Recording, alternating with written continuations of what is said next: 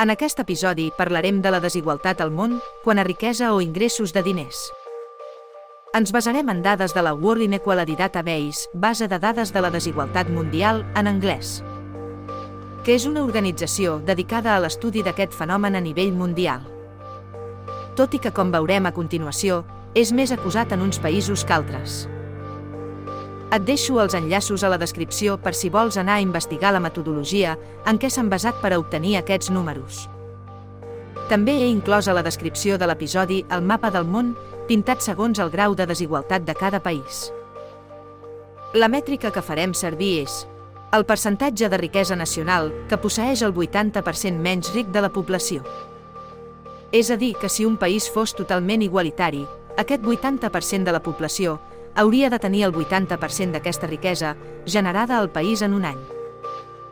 Bé, doncs abans de dir el següent, tren seient, perquè la dada que et donaré ara és la més impactant.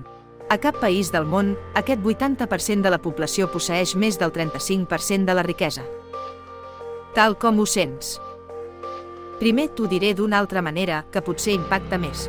Encara el país amb més repartiment de la riquesa, el 20% més ric dels seus ciutadans, posseixen dues terceres parts de la riquesa generada al país.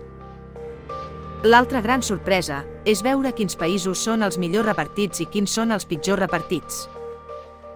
Entre els més ben repartits hi ha els països d'Europa Occidental, incloent Espanya, Canadà, Austràlia, Argentina, Equador i una llista llarga de països africans. Això darrer no m'ho esperava. El país més ben repartit és Països Baixos, amb un 35%, per al 80% de la població menys rica. Espanya, el 80% de la població menys rica gaudeix del 28%, que és més que països com França, 26%, o Alemanya, 25%. Jo no ho hagués endevinat. I entre els països que tenen més desigualtat tenim casos com la regió sud d'Àfrica, el Brasil, Xile, i Mèxic. En aquests darrers, el 80% menys ric de la població només gaudeix el 10% de la riquesa nacional. Aquesta dada tampoc no me la imaginava. Entremig hi ha tots els altres països. Amb un Estats Units d'Amèrica, on el 80% menys ric gaudeix de tot just el 15%.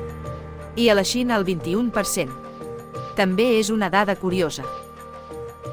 Com sigui, si alguna cosa queda clara i innegable, és que el 100% dels nostres països, la majoria del 80% de nosaltres ens estem barallant per sobreviure. Això fa pensar molt i crec que no calen gaires dades estadístiques per saber-ho amb certesa.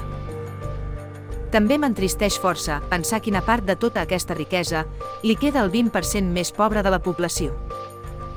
Possiblement aquesta dada sí que sigui 100% depriment i ens sorprendria malgrat tot.